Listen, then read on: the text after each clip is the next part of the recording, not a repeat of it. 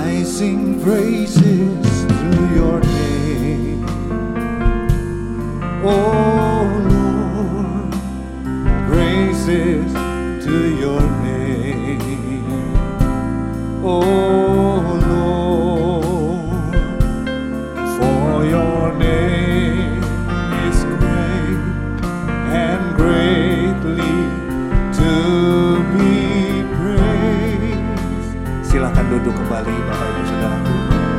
I sing praises to your name.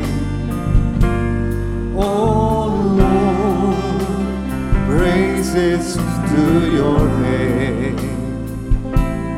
Oh Lord, for your name is great and greatly to be praised rising praises.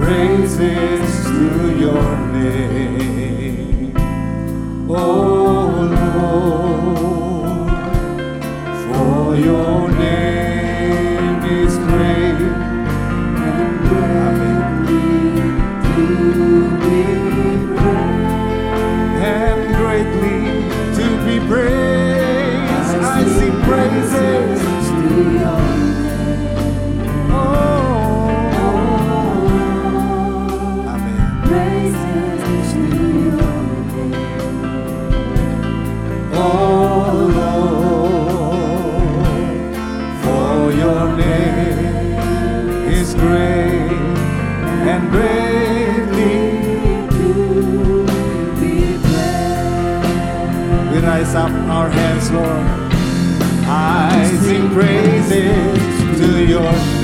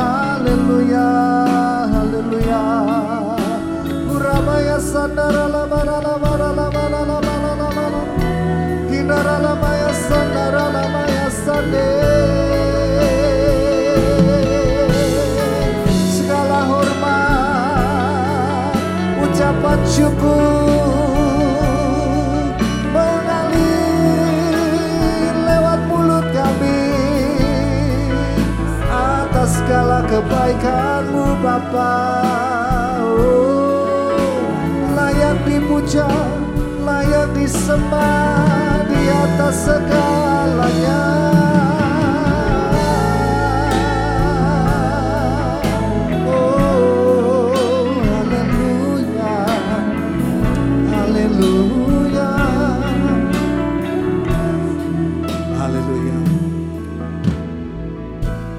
Terpujilah Allah Bapa yang telah mengaruniakan segala yang baik ke dalam kehidupan kami.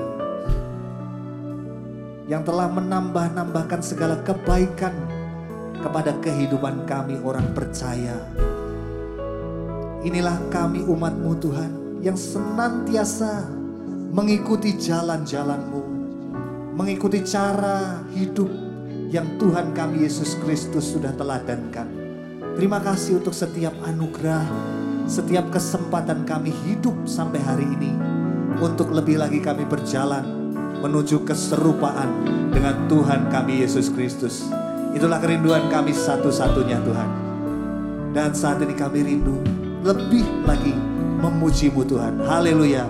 Mari bersama kita nyatakan amin. Haleluya. Saya undang kita bangkit berdiri bersama.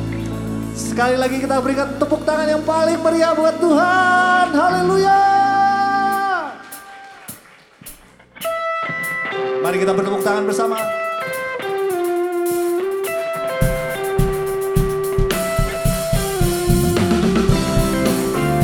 Kaulah kuat kami, Kaulah pertolongan kami Tuhan.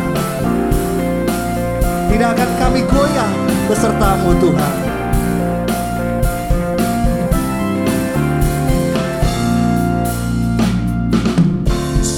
Ku pandang gunung menghadang setiap langkahku, setiap jalanku, jiwaku pun bangkit, imanku pun bangkit.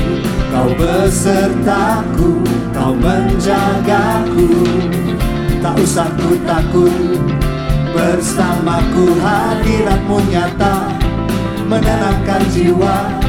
Tak ada yang mustahil, tak ada yang tak mungkin. Kau besertaku, kau menjagaku. Kau kuatku, kau imanku, kau berikanku harapan baru. Kaulah segalanya, tiada yang mustahil bagi orang yang percaya. Kau kuatku, kau imanku, kau berikanku harapan baru. Kaulah segalanya. Tiada yang mustahil bagi orang yang percaya. Kamilah orang-orang yang percaya menaruh harapan padamu. Nyatakan Saat ku pandang gunung menghadang setiap langkahku Setiap jalanku Jiwaku pun bangkit Imanku pun bangkit. Kau besertaku Kau menjagaku. Amin. Tak usah ku takut. Bersamaku hadiratmu nyata. Menenangkan jiwa. Tak ada yang mustahil. Tak ada yang tak mungkin. Kau besertaku Kau menjagaku. Kau kuatku Kau imanku Kau berikanku Harapan baru. Kaulah segalanya. Tiada yang mustahil Bagi orang yang percaya. Kau kuatku Kau imanku Kau berikanku Harapan baru. Kaulah segalanya Tiada yang mustahil Bagi orang yang percaya. Inilah kami Tuhan. Kami senantiasa mengikuti Engkau Tuhan kami Yesus Kristus. Iman kami tumbuh di dalammu Tuhan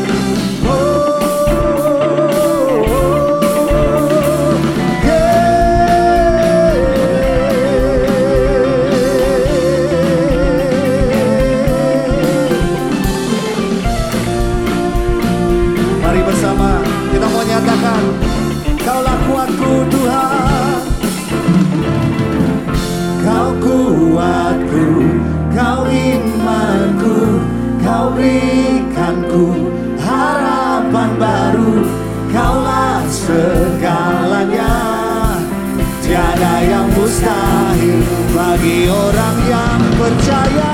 Kau kuatku Kau imanku Kau berikanku Harapan baru. Kaulah segalanya yang mustahil. Sekali lagi mari nyatakan Kau kuat Kau kuatku Kau imanku Kau berikanku Harapan baru. Kaulah segalanya. Tiada yang mustahil Bagi orang yang percaya. Bagi orang yang percaya. Sekali lagi nyatakan Bagi orang yang percaya. Kita orang percaya Diutus untuk memberitakan kabar gembira Injil keselamatan bagi semua bangsa. Haleluya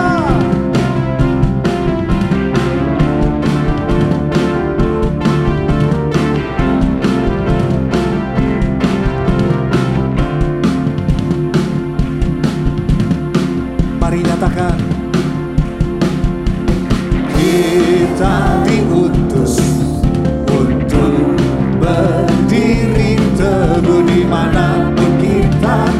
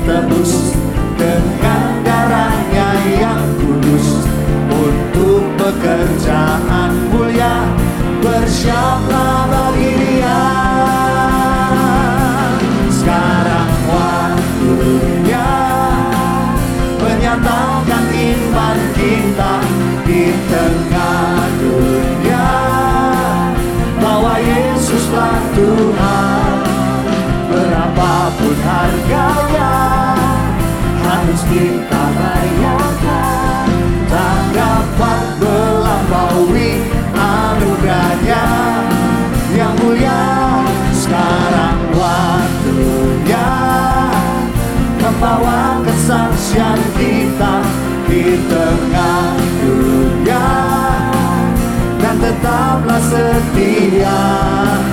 Berapapun harganya harus kita bayarkan. Terlebih mulia mahkota tersedia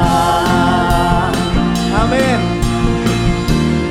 Kami mau jadi teladan di tengah-tengah kegelapan dunia ini. Kami mau jadi terang, kami mau jadi contoh sebagai anak-anak Allah, anak-anak terang di tengah-tengah dunia ini Tuhan. Pakai kami sebagai alat kebenaran di akhir zaman ini Tuhan. Katakan, sekarang waktunya kita nyatakan iman kita. Kami mau hidup dalam kekudusan-Mu Tuhan. Kami mau hidup dalam kebenaran Tuhan. bahwa Yesuslah Tuhan Berapapun harganya harus kita bayarkan. Tak dapat melampaui anugerahnya Oh ya, sekarang waktunya membawa kesaksian kita di tengah dunia dan tetaplah setia, amin. Berapapun harus kita bayarkan terlebih mulia mahkota tersedia terlebih mulia.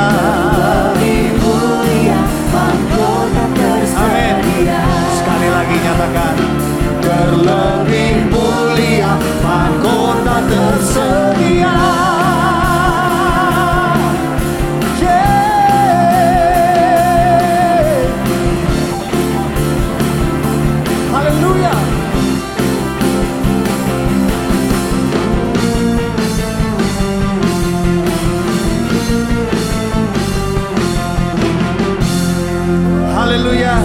Lagi kita berikan tepuk tangan paling meriah buat Allah kita. Haleluya. Silakan duduk Bapak Ibu Saudara, saudaraku terkasih.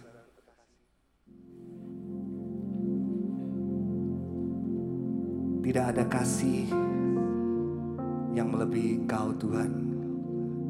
Yang memberikan nyawanya bagi orang yang dikasihi. Demikian pula kami Tuhan ketika kami rindu meneladani Tuhan kami Yesus Kristus. Kami rindu mengasihi sesama kami Tuhan. Kami rindu menjadi pribadi-pribadi yang berdampak, penuh kasih, penuh belas kasih, penuh pengampunan di dalam kehidupan kami. Terima kasih Bapak.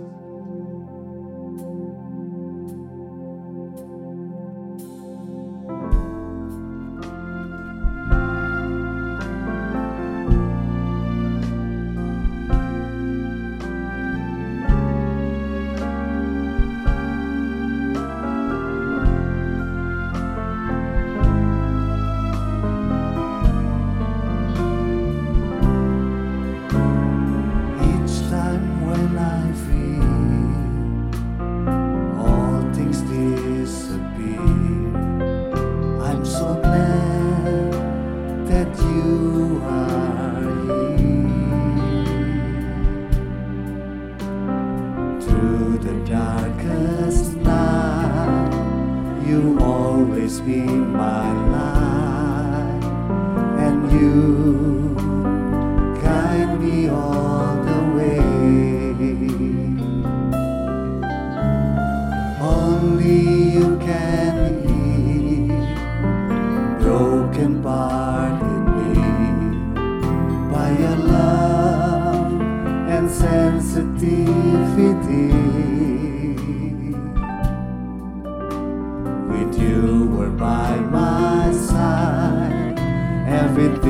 Will be alright.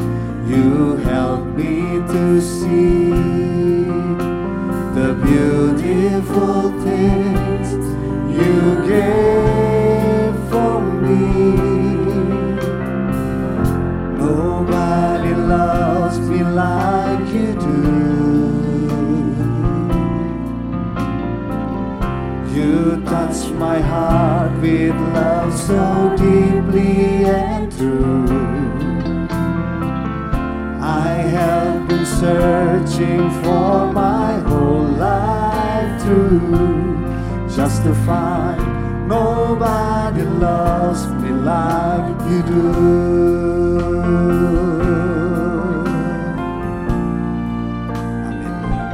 Thank you, love and mercy that you show to me.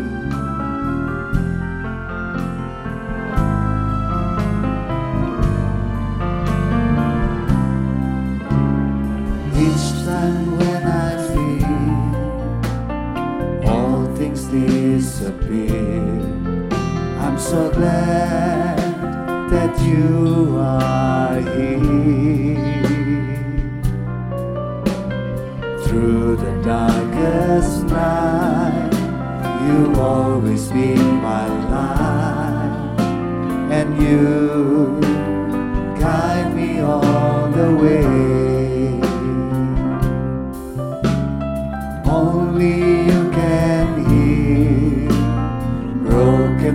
Body be my side.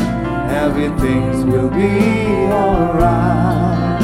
You help me to see the beautiful things you gave for me.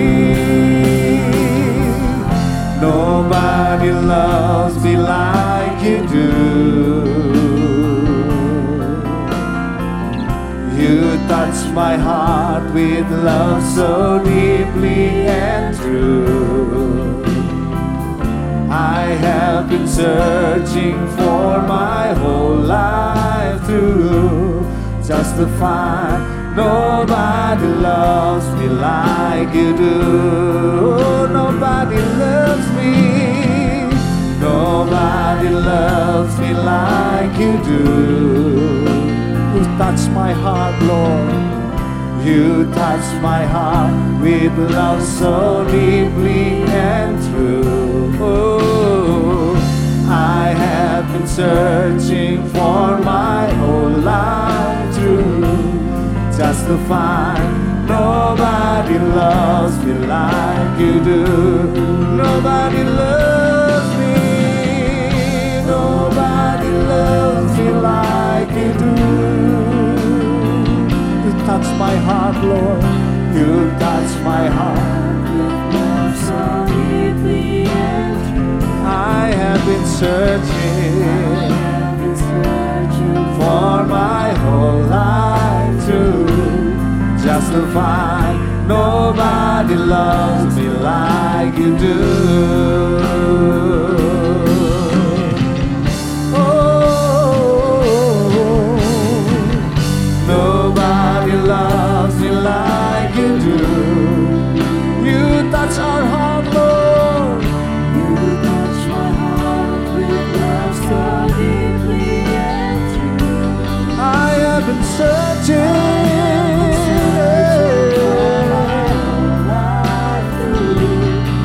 To find nobody loves me like you do.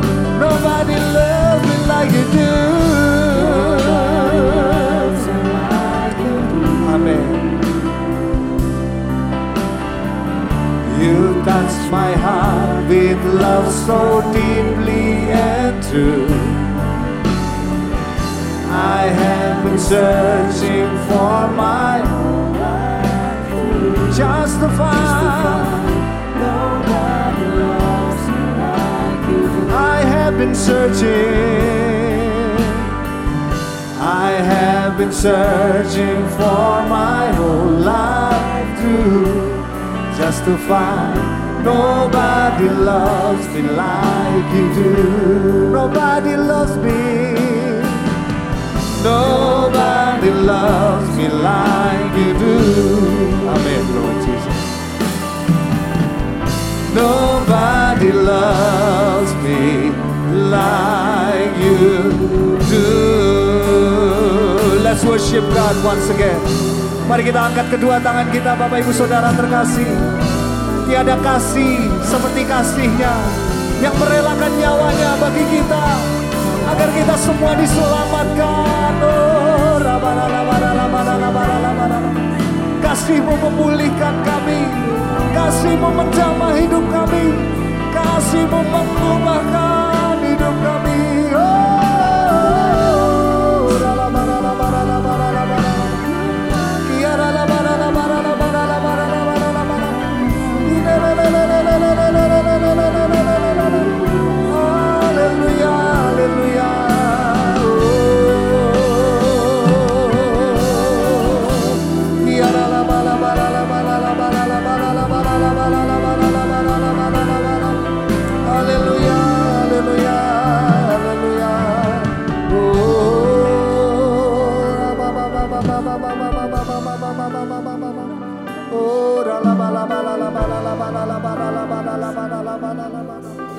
Haleluya, haleluya, haleluya. Oh. Terima kasih Bapa, terima kasih Bapa. Oh, karena kasihmu lebih dulu ada atas kehidupan kami Tuhan. Sehingga kami umatmu tahu bagaimana mengasihi. Bagaimana saling mengasihi di dalam kehidupan kami Tuhan. Kami tidak hidup menurut hawa nafsu kami Tuhan. Namun kami oleh kasihmu Tuhan. Kehidupan kami diubahkan, pikiran kami yang sesat diubahkan. Kami bisa berada kembali di dalam jalan-jalanmu yang kudus Tuhan. Terima kasih untuk kebenaran ini Tuhan. Karena kasihmu kau mengembalikan kami ke rancangan yang semula. Hidup dalam kebenaran Allah. Tidak hidup sebagai orang fasik Tuhan. Terima kasih Tuhan. Terima kasih Tuhan. Terima kasih untuk kebenaran yang mengubahkan. Kasihmu yang mengubahkan Tuhan. Oh, sing once again. Nobody loves me like you do. Saya undang kita bangkit berdiri Bapak Ibu Saudaraku. You touch my heart with love so deeply and true. I have been searching for my whole life through just to find nobody loves me like you. Nobody loves me. yeah. Nobody loves me like you do. You touch my heart, Lord. With love so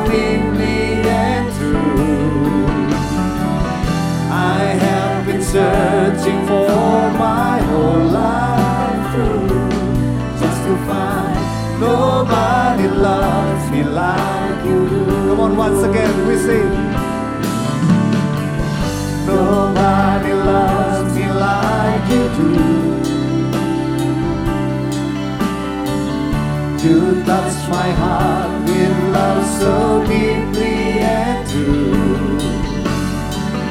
I have been searching for my whole life to find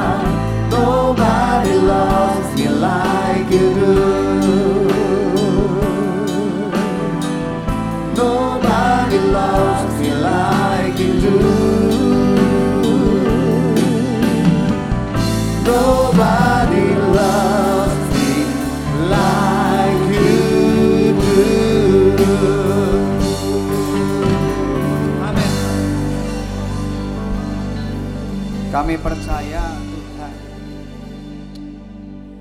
Tidak ada yang satupun pribadi yang bisa mengasihi kami lebih daripada yang kau lakukan Tuhan Kami mau pastikan itu Tuhan. Bahwa kami mempercayai kebenaran ini Tuhan. Tidak ada satupun Tuhan yang bisa memberikan nyawanya bagi setiap sahabat-sahabatnya. Selain pribadimu itu Tuhan. Terima kasih Bapak. Berbicaralah atas setiap kami pada pagi hari ini Tuhan. Kami mau membuka hati kami, pikiran kami Tuhan. Untuk bisa menangkap apa yang menjadi kebenaran firman-Mu Tuhan. Terima kasih Bapa. Di dalam namamu Tuhan. Semua yang siap menerima kebenaran firman Tuhan. Sama-sama katakan. Amin. Silahkan duduk Bapak Ibu.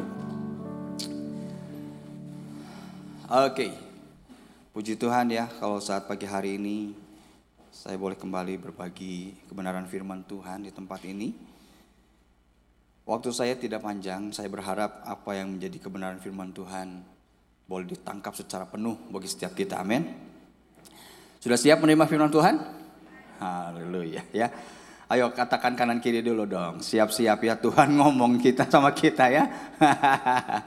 Oke, hari ini saya mau berbagi tentang sebuah topik firman Tuhan yang saya beri judul Guard Your Heart. Guard Your Heart. Kalau istilah bahasa Indonesia-nya itu jagalah hati. Selanjutnya apa? Jangan konodaya kayaknya penggemar juga ya. Oke. Nah, eh, saya percaya bahwa setiap orang itu punya kecenderungan menjaga apa yang dianggap penting dan berharga bagi dia. Amin. Kita akan cenderung menjaga apa yang penting, apa yang berharga akan kita jaga dengan baik-baik. Cenderung juga kita akan memberikan effort lebih untuk bisa menyelamatkan, untuk bisa me, me, me, uh, men, mengabadikan apa yang kita anggap penting dalam kehidupan kita. Bahkan kita rela mengeluarkan biaya, mengeluarkan dana, berjuang sedemikian rupa supaya apa yang kita anggap penting itu terjaga dengan baik. Kalau di sini ada yang suka uh, dengan sepak bola, angkat tangannya, coba angkat tangannya. Yang suka sepak bola, wah, cuman dikit yang suka sepak bola ya. Kalau kita lihat pemain sepak bola itu yang menjadi legend saat ini itu namanya Lionel Messi. Ya, saya penggemarnya Messi ya. Dia itu dibilang katanya bukan sekedar jago sepak bola, tapi dianggap dewanya sepak bola karena prestasi dan skillnya luar biasa di atas rata-rata. Nah dia mengasuransikan kaki kirinya itu tuh senilai berapa coba? 13,7 triliun mengasuransikan kaki kirinya. Seorang legend pemain sepak bola itu mengasuransi kaki kirinya senilai begitu. Kenapa? Karena kaki kirinya dianggap aset buat dia. Karena kaki kirinya itu sangat bernilai tinggi. Banyak tendangan-tendangan atau gol-gol yang brilian masuk karena tendangan kaki kirinya. Kenapa dia bisa sampai mengasuransikan kaki kirinya sedemikian mahalnya? Karena kaki kirinya berharga buat dia.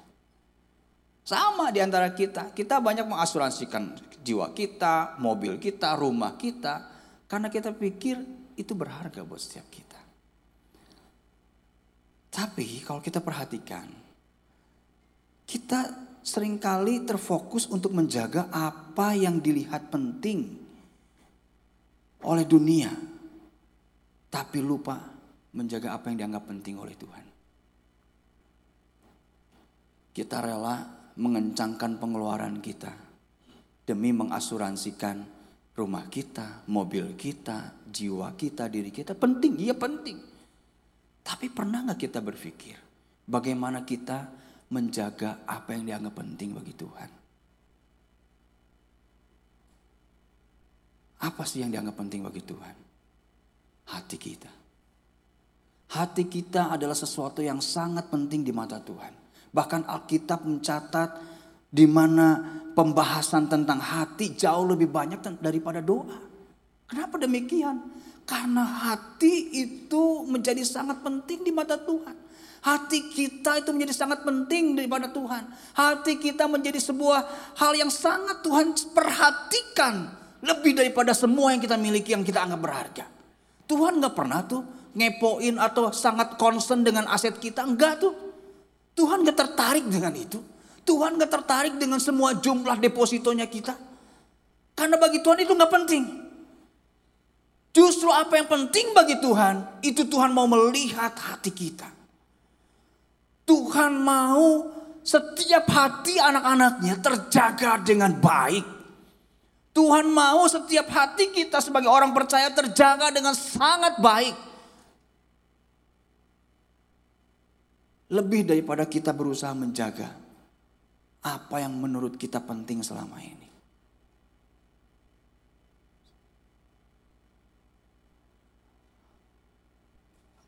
Amsal 4, 2, 3 bilang begini.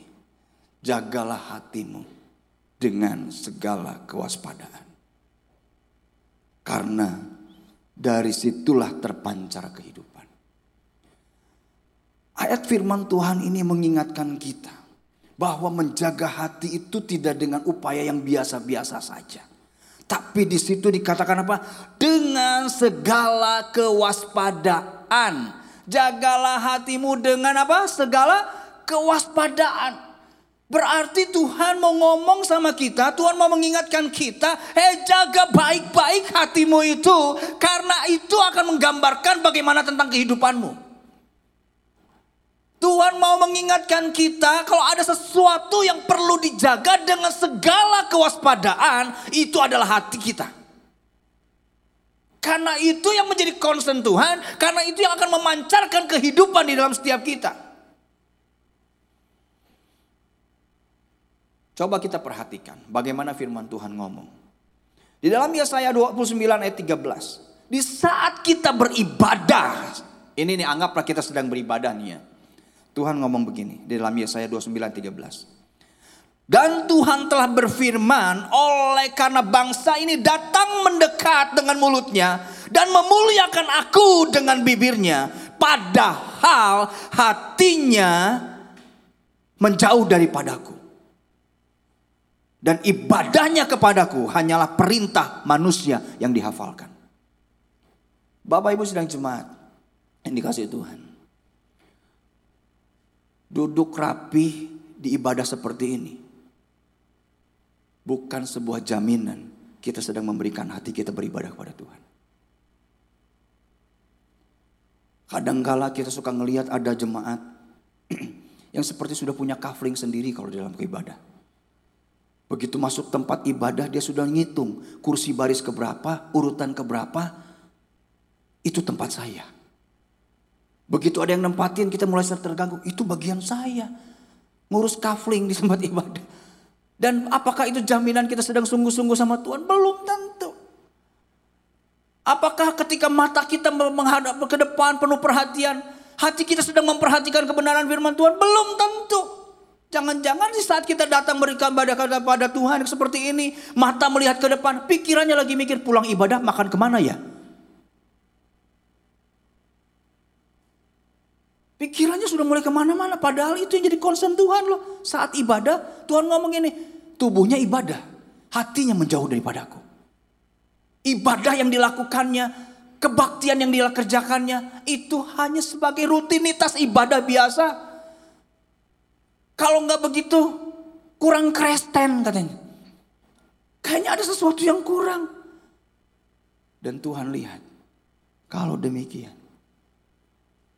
Tuhan gak berkenan. Tuhan concern dengan hati kita. Saat kita datang beribadah, dengerin firman, memuji Tuhan. yang Tuhan telusuri. Bukan suaranya yang nyaring. Bukan bajunya yang bagus tapi yang Tuhan zoom out. Adakah hati yang sedang tertuju kepadaku? Mata boleh ke depan, hati belum tentu. Yuk, cek hati kita. Itu concern Tuhan loh. Dalam ibadah Tuhan lihat hati kita. Kedua, apa yang Tuhan lihat? Saat melayani. Apa Tuhan lihat? Coba saya saya saya pengen kita melihat di dalam Wahyu 2 ayat 1 sampai 5. Mungkin kita nggak usah bacakan semua, saya akan bantu ceritakan tentang apa yang dituliskan di dalam Wahyu 2 ayat 1 sampai 5. Ini surat kepada jemaat di Efesus. Di situ dikatakan begini, tuliskanlah kepada malaikat jemaat di Efesus, inilah firman dari dia yang memegang ketujuh bintang itu di tengah eh, tangan kanannya dan berjalan di antara ketujuh kaki dian emas itu. Aku tahu segala pekerjaanmu, baik jerih payahmu maupun ketekunanmu. Aku tahu bahwa engkau tidak sabar, dapat sabar terhadap orang-orang jahat. Bahwa engkau telah mencobai mereka yang menyebut dirinya rasul, tetapi yang sebenarnya tidak demikian. Bahwa engkau telah mendapati mereka pendusta.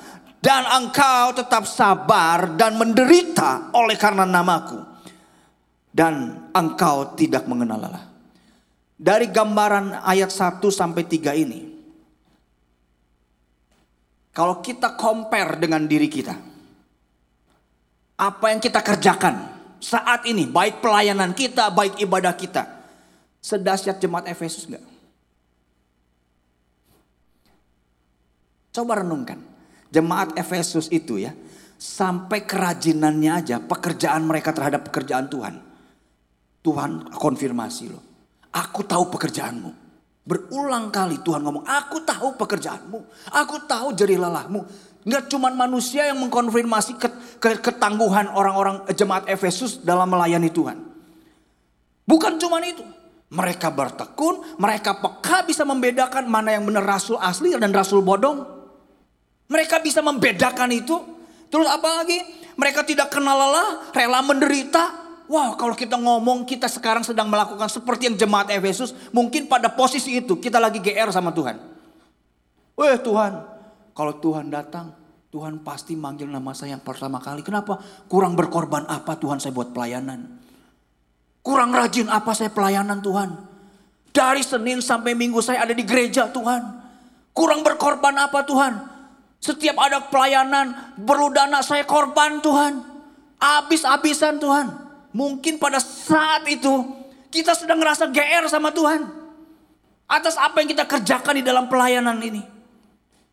Tapi ayat keempat jemaat Efesus menerima sebuah fakta. Yang mungkin mereka juga kaget. Di situ dikatakan apa? Namun demikian aku mencela engkau. Kebayang gak sih? Di saat kita ngerasa lagi habis-habisan buat pelayanan. Di saat kita ngerasa lagi sudah banyak berkorban buat pelayanan. Tapi Tuhan ngomong pada saat itu. Aku mencela engkau. Kenapa Tuhan mencela? Terhadap jemaat yang sedemikian rajinnya. Terhadap jemaat yang sedemikian berkorbannya untuk pelayanan. Tapi Tuhan justru mencela. Kalau jemaat Efesus aja yang sedemikian hebohnya melayani Tuhan. Sampai Tuhan ngomong begini. Bagaimana dengan kita? Dan di situ dikatakan apa sih yang menjadi Tuhan sampai mencela jemaat Efesus pada saat itu. Karena engkau telah meninggalkan kasihmu yang semula. Yang Tuhan concern itu bukan pekerjaan pelayanannya.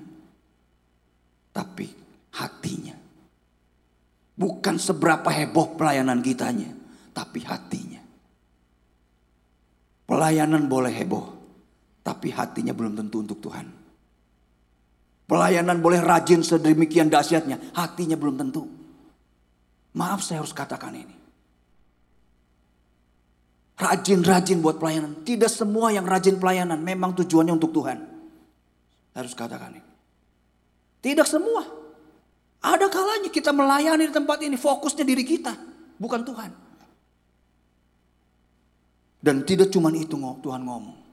Sebab itu ingatlah betapa dalamnya engkau telah jatuh. Bukan cuma mencela, tapi Tuhan ngomong, kamu udah terlalu jatuh, udah terlalu dalam. Artinya apa? Pelayanan-pelayananmu hanya dilakukan dengan sebagai aktivitas belaka. Kalau ditanya kenapa? Kenapa kamu pelayan? Gak enak udah dijadwal. Pelayanan karena gak enak udah dijadwal, bukan karena kita rindu mengasihi Tuhan, melayani Tuhan. Bukan. Itu PR buat kita. Saya pikir jangan sampai hari-hari ini banyak gereja Tuhan, umat Tuhan lagi ngerasa asik sedang melayani Tuhan tapi esensinya kita jauh dari apa yang Tuhan mau. Jangan-jangan kita tuh sekarang saat ini sedang ada di dalam posisi sepertinya sedang melayani Tuhan, sepertinya sedang beribadah kepada Tuhan, tapi pada waktu itu Tuhan akan ngomong, "Aku mencela engkau." Karena pelayananmu, ibadahmu yang kau lakukan tidak tertuju untuk Tuhan hatinya. Itu concern Tuhan. Dan saya mau ingatkan setiap kita, termasuk saya sendiri. Ingat, yang Tuhan zoom out dalam semua aktivitas kekristenan kita adalah hati kita. Hati kita. Saat memberi, yang Tuhan lihat apa? Ketika ada seorang janda miskin yang memberikan persembahan di gerbang pintu gerbang bait Allah dalam Lukas 2 ayat 21 ayat 1 sampai 4 dikatakan apa? Yesus ngomong sama eh sini sini nih. Kamu lihat tuh, mereka-mereka itu ngasih tuh ya ke persembahan, kotak persembahan di depan gerbang bait Allah itu ada orang-orang kaya yang banyak-banyak ngasih duit, triling, triling, triling. Waduh, kencringnya juga sudah beda, suaranya beda. Coba tuh lihat tuh, janda miskin ini cuma dua peser. Dan Tuhan perhatikan yang mana? Sampai muridnya bilang, sok menurut kamu katanya, mana yang lebih besar memberikan untuk aku? Yesus ternyata nggak lihat jumlahnya. Yesus lihat hatinya.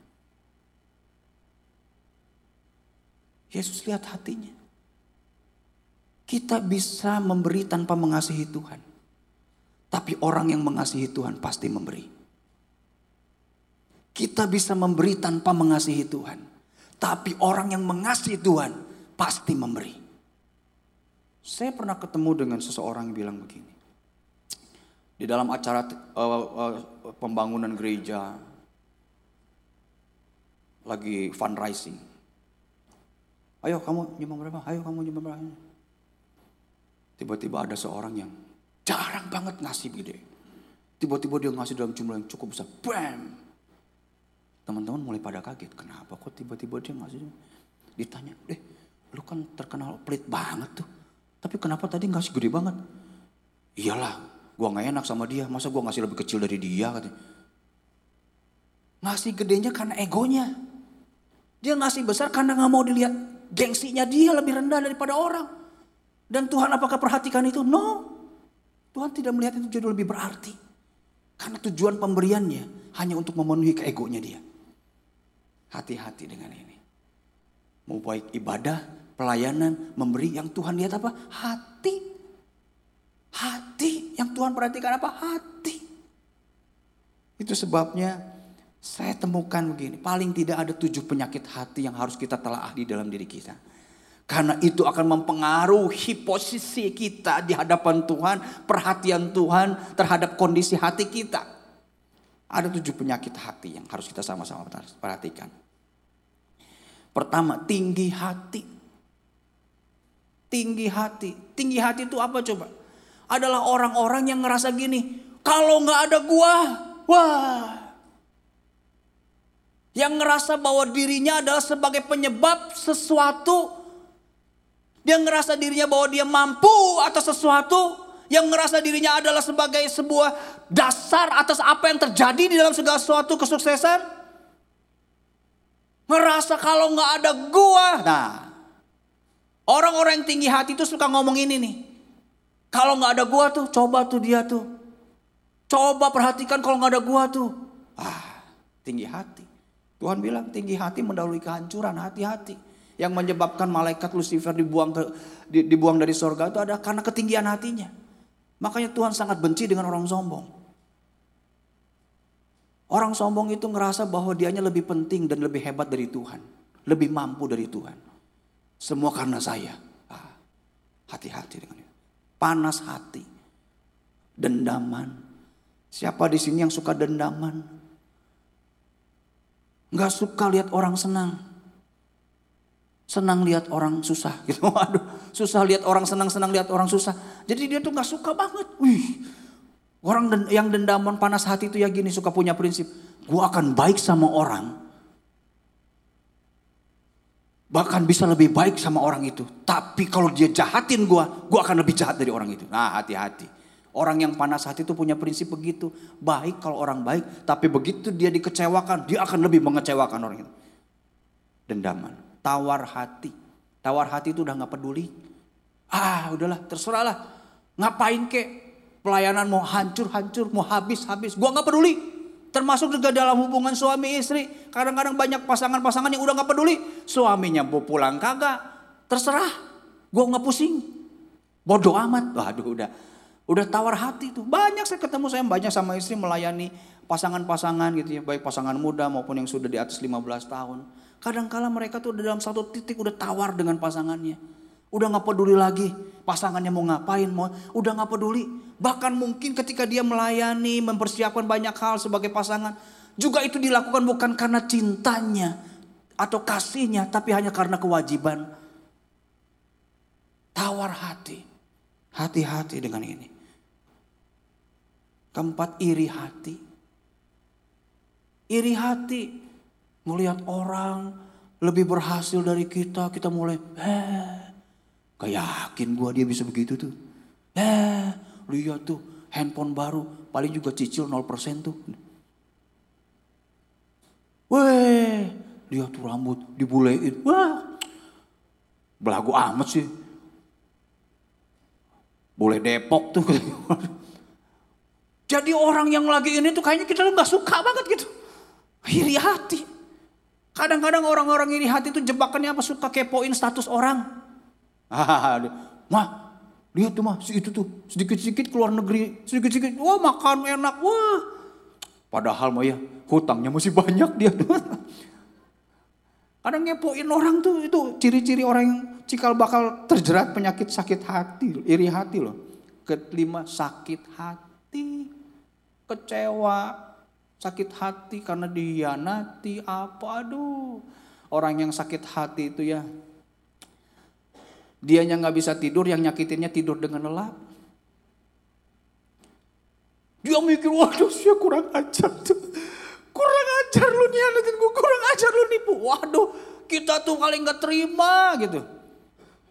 Kadang orang yang sakit hati itu ya kalau lagi orang lihat itu orang yang ngecewain kita yang kita sebal tuh dari depan situ. Padahal tinggal dekat lewat situ. Lebih baik muter ke ujung dulu daripada gue lewat muka dia. Gue males katanya. Orang sakit hati itu capek tau gak? Capek orang sakit hati. Bengkok hati. Bengkok hati itu apa coba? Modus, banyak modus. Tiba-tiba telepon, eh lu ke mana aja? Tumen-tumenan telepon. Pasti pinjam dulu 100 gitu. Orang yang jarang nelpon, tiba-tiba nelpon.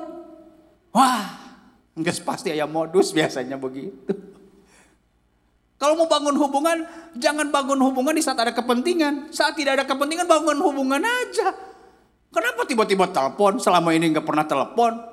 Oh, kalau tiba-tiba telepon setelah tiga tahun nggak telepon, mah berarti tiba-tiba tinggal tunggu aja. Tunggu timing momennya. Pinjam dulu 100 ya. Bengkok hati, keras hati. Keras hati itu apa coba? Yang sudah dikas, susah dikasih tahu. Orang-orang yang keras hati itu gini, pokoknya mah. Ah udah ngomong pokoknya udah itu. Kalau dalam bahasa Ibrani itu merekedeweng.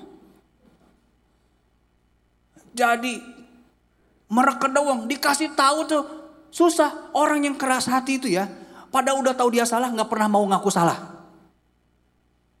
Khususnya para suami Colek yang duduk sama suaminya sekarang. Gus nyaho salah, tidak ngaku salah. Ayo we nggak ke sana sini.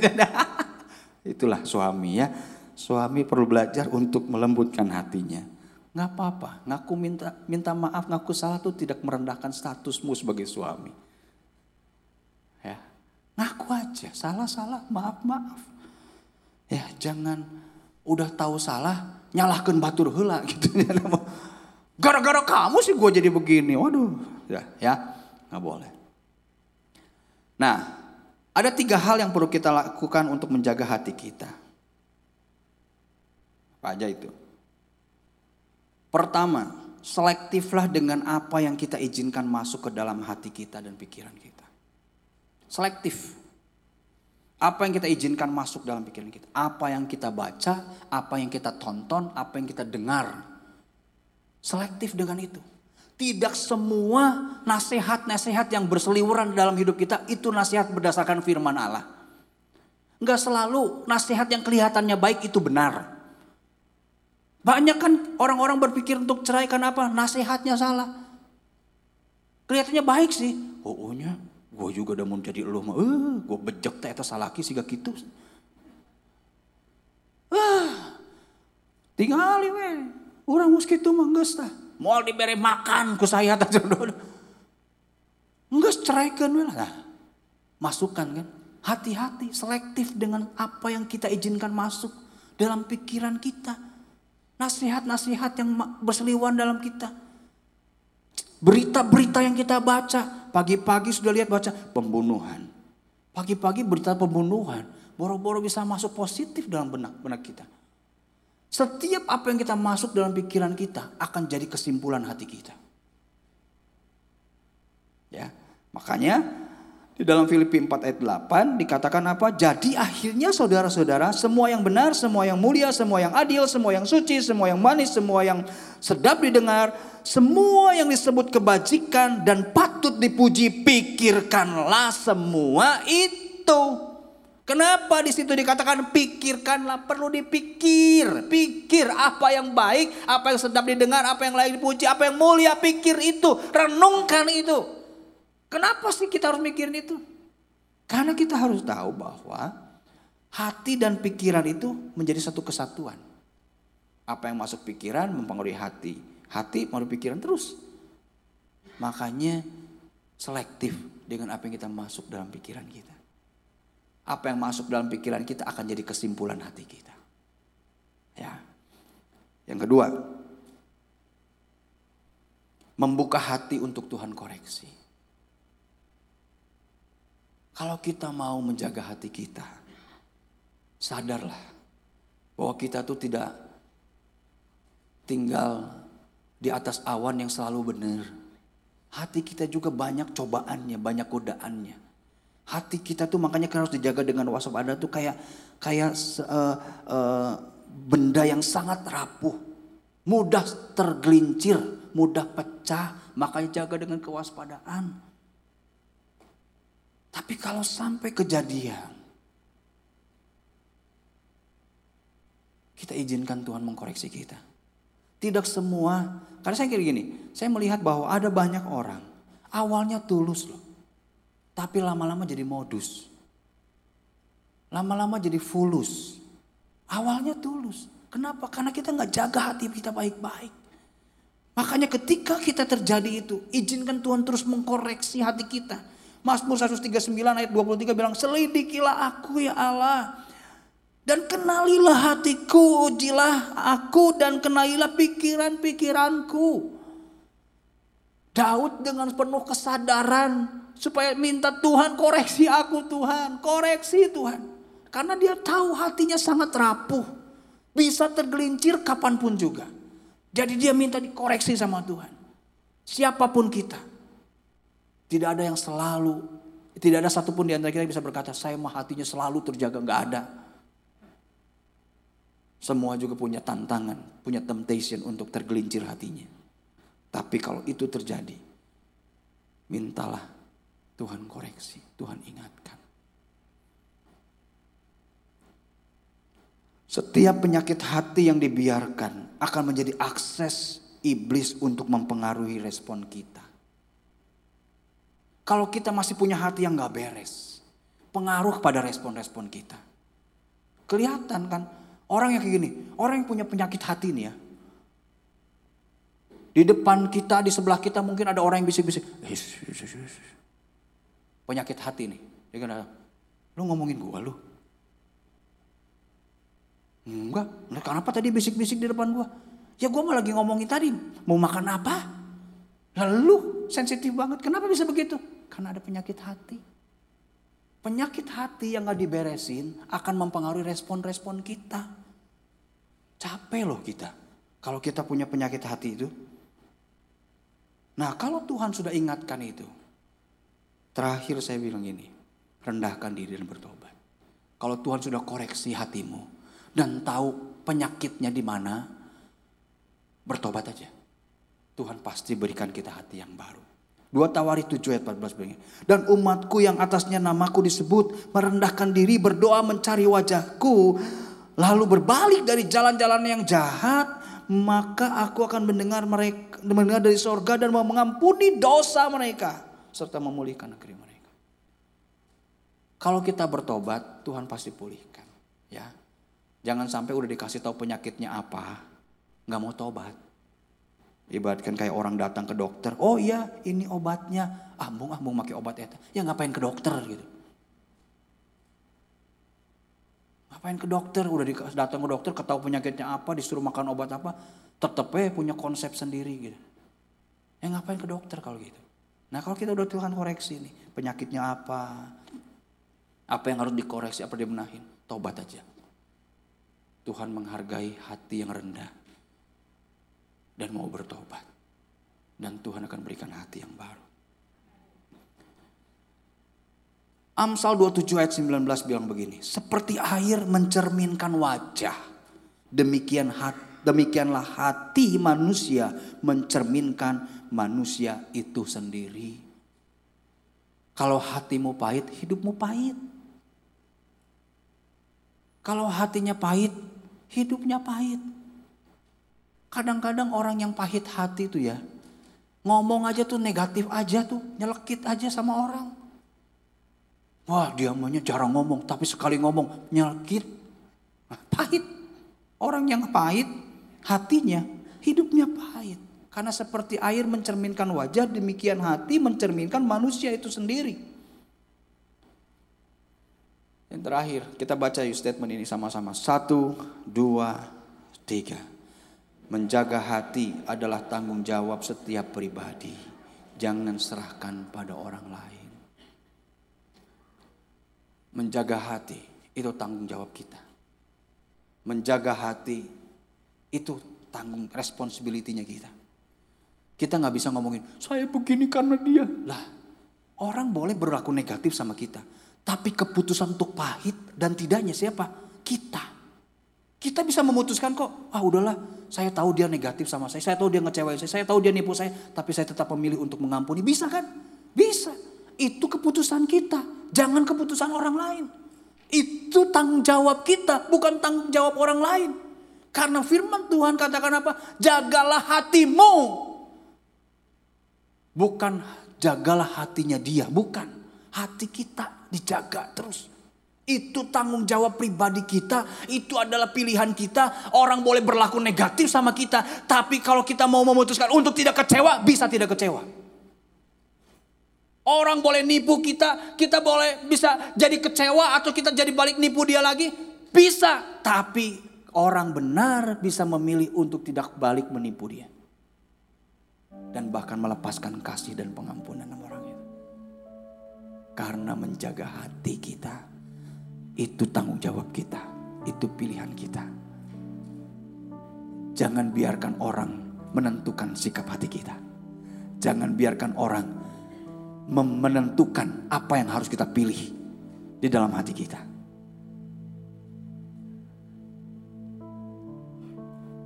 Kalau hati kita sembuh, kita akan punya hidup yang memancarkan kemuliaan Tuhan. Kalau hati kita pulih, kehidupan kita akan menunjukkan siapa Tuhan kita. Banyak orang kecewa sama Tuhan. Banyak orang tidak mau memilih Yesus. Karena dia melihat orang yang ngaku dirinya pengikut Yesus. Kok hidupnya gitu ya? Yuk kita sama-sama saat ini renungkan hati kita. Tundukkan kepala kita. Renungkan kebenaran firman Tuhan ini. Izinkan Tuhan ngomong secara pribadi sama kita. Izinkan Tuhan mengaudit hati kita. Izinkan Tuhan mengkoreksi hati kita. Adakah bagian-bagian hati kita yang belum beres di hadapan Tuhan, belum sembuh di hadapan Tuhan? Mungkin justru kita selama ini cenderung memelihara penyakit hati yang ada di dalam diri kita. Yes Lord, yes Lord, yes Lord, yes Lord. Tuhan inilah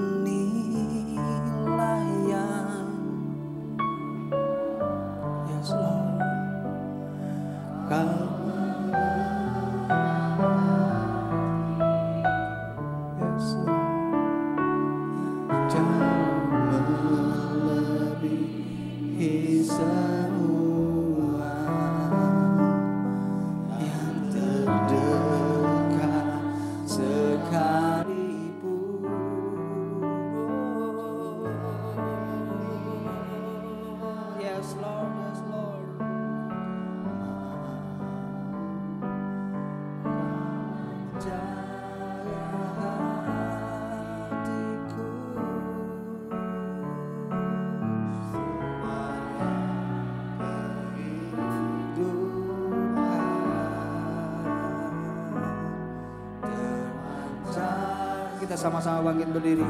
Naikkan pujian ini dengan segenap hati kita. Tuhan inilah Tuhan inilah.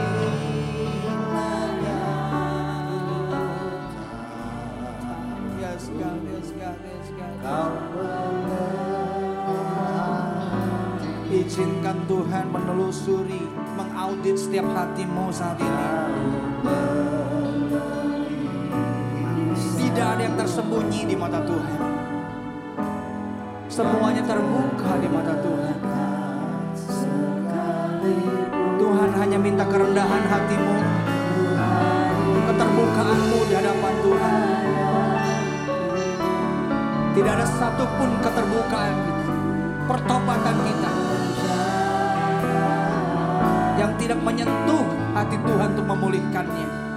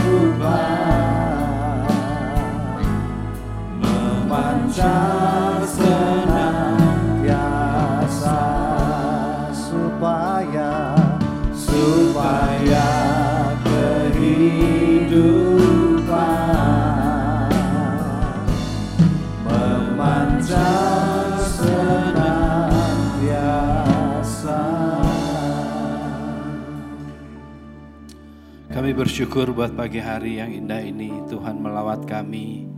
Kami bersyukur buat firman-Mu yang mengingatkan kami Tuhan. Hati kami adalah sebuah benda yang berharga di mata Tuhan yang harus kami jagai setiap waktu. Terima kasih buat firman-Mu yang sudah disampaikan oleh hamba-Mu Bapak Sandi Triasa Tuhan. Berkati hamba-Mu baik di ibadah kedua dan ke- ketiga nanti dan ke mana pun hambamu ini kau utus untuk melayani ada kuasa Tuhan menyertai hambamu ini sehingga di mana pun hambamu ini melayani banyak berkat yang dicurahkan untuk setiap jemaat yang dilayani. Terima kasih buat pagi hari ini. Kami berdoa untuk seluruh jemaatmu yang hadir pagi hari ini Bapak. Di dalam setiap pergumulan, di dalam setiap situasi yang ada Tuhan menyertai anak-anakmu ini. Kami percaya Tuhan terus menyertai, memberkati, melindungi, menjagai yang membutuhkan pekerjaan Tuhan bukakan jalan dan setiap usaha, setiap pekerjaan yang dilakukan oleh anak-anakmu Tuhan dibuat berhasil di dalam nama Tuhan Yesus. Terima kasih juga untuk penyertaan Tuhan. Biarlah ibadah kedua dan ketiga nanti juga Tuhan hadir di tempat ini. Saat ini kami berdoa untuk pemimpin rohani kami, untuk gembala penatua, gembala pembina, gembala pelaksana harian. Tuhan memberkati hamba-hambamu ini. Tuhan terus curahkan isi hati Tuhan untuk disampaikan kepada seluruh jemaatmu sehingga jemaatmu boleh menjadi jemaat yang layak bagi Tuhan. Secara khusus kami berdoa untuk Pak Ian, Pak Ibu Esther yang saat ini melayani di Cirebon, Tuhan yang memberkatinya menjadi berkat bagi jemaatmu di Cirebon dan Tuhan melindunginya pada saat pulang nanti kembali ke Bandung dengan tidak kekurangan suatu apa pun. Bapak kami bersyukur untuk jemaatmu yang setia memberikan persembahan, mengembalikan perpuluhan, Tuhan akan mem- mem- membalaskannya berlipat kali ganda. Kami percaya kasih karunia Tuhan berlimpah untuk setiap jemaatmu yang dapat membangun terus, menopang terus untuk kegiatan-kegiatan ibadah-ibadah di gerejamu di tempat ini.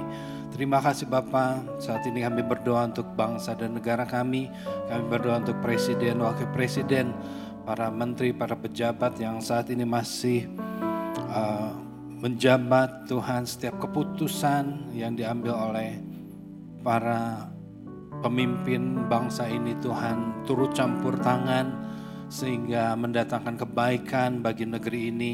Kami berdoa untuk hasil negeri ini, hasil tambang, hasil pertanian, perkebunan, kelautan, semua kekayaan dari negeri ini dipakai untuk kesejahteraan bagi, bangsa ini. Di tahun 2024 nanti di Februari kami juga memimpin uh, memilih pemimpin yang baru untuk pejabat-pejabat di negeri ini. Tuhan, mari Tuhan sendiri yang memilihkan bagi kami pemimpin tertinggi yang terbaik di negeri ini yang Tuhan pilih. Tuhan taruh di hati seluruh bangsa kami untuk memilih sesuai dengan kepil, uh, keputusannya Tuhan sehingga bangsa ini terus dibawa di dalam kemajuan demi kemajuan segala rencana segala rancangan yang jahat segala kecurangan yang dirancangkan orang-orang yang licik Tuhan kami mau patahkan di dalam nama Tuhan Yesus. Biarlah kuasa Tuhan saja yang bekerja atas seluruh bangsa kami. Sebentar kami akan pulang. Sebelum pulang kami mau angkat tangan kami, kami buka hati kami terima berkat Tuhan. Bapak Ibu Saudara yang dikasih Tuhan, terimalah sekarang segala berkat yang berlimpah-limpah dari Allah Bapa kita di surga, di dalam kasih yang sempurna dari Tuhan kita Yesus Kristus, penyertaan, kekuatan, pertolongan Roh Kudus menyertai setiap kita sejak saat ini sampai selama-lamanya. Di dalam nama Tuhan Yesus kita yang sudah terima berkat sama-sama katakan amin.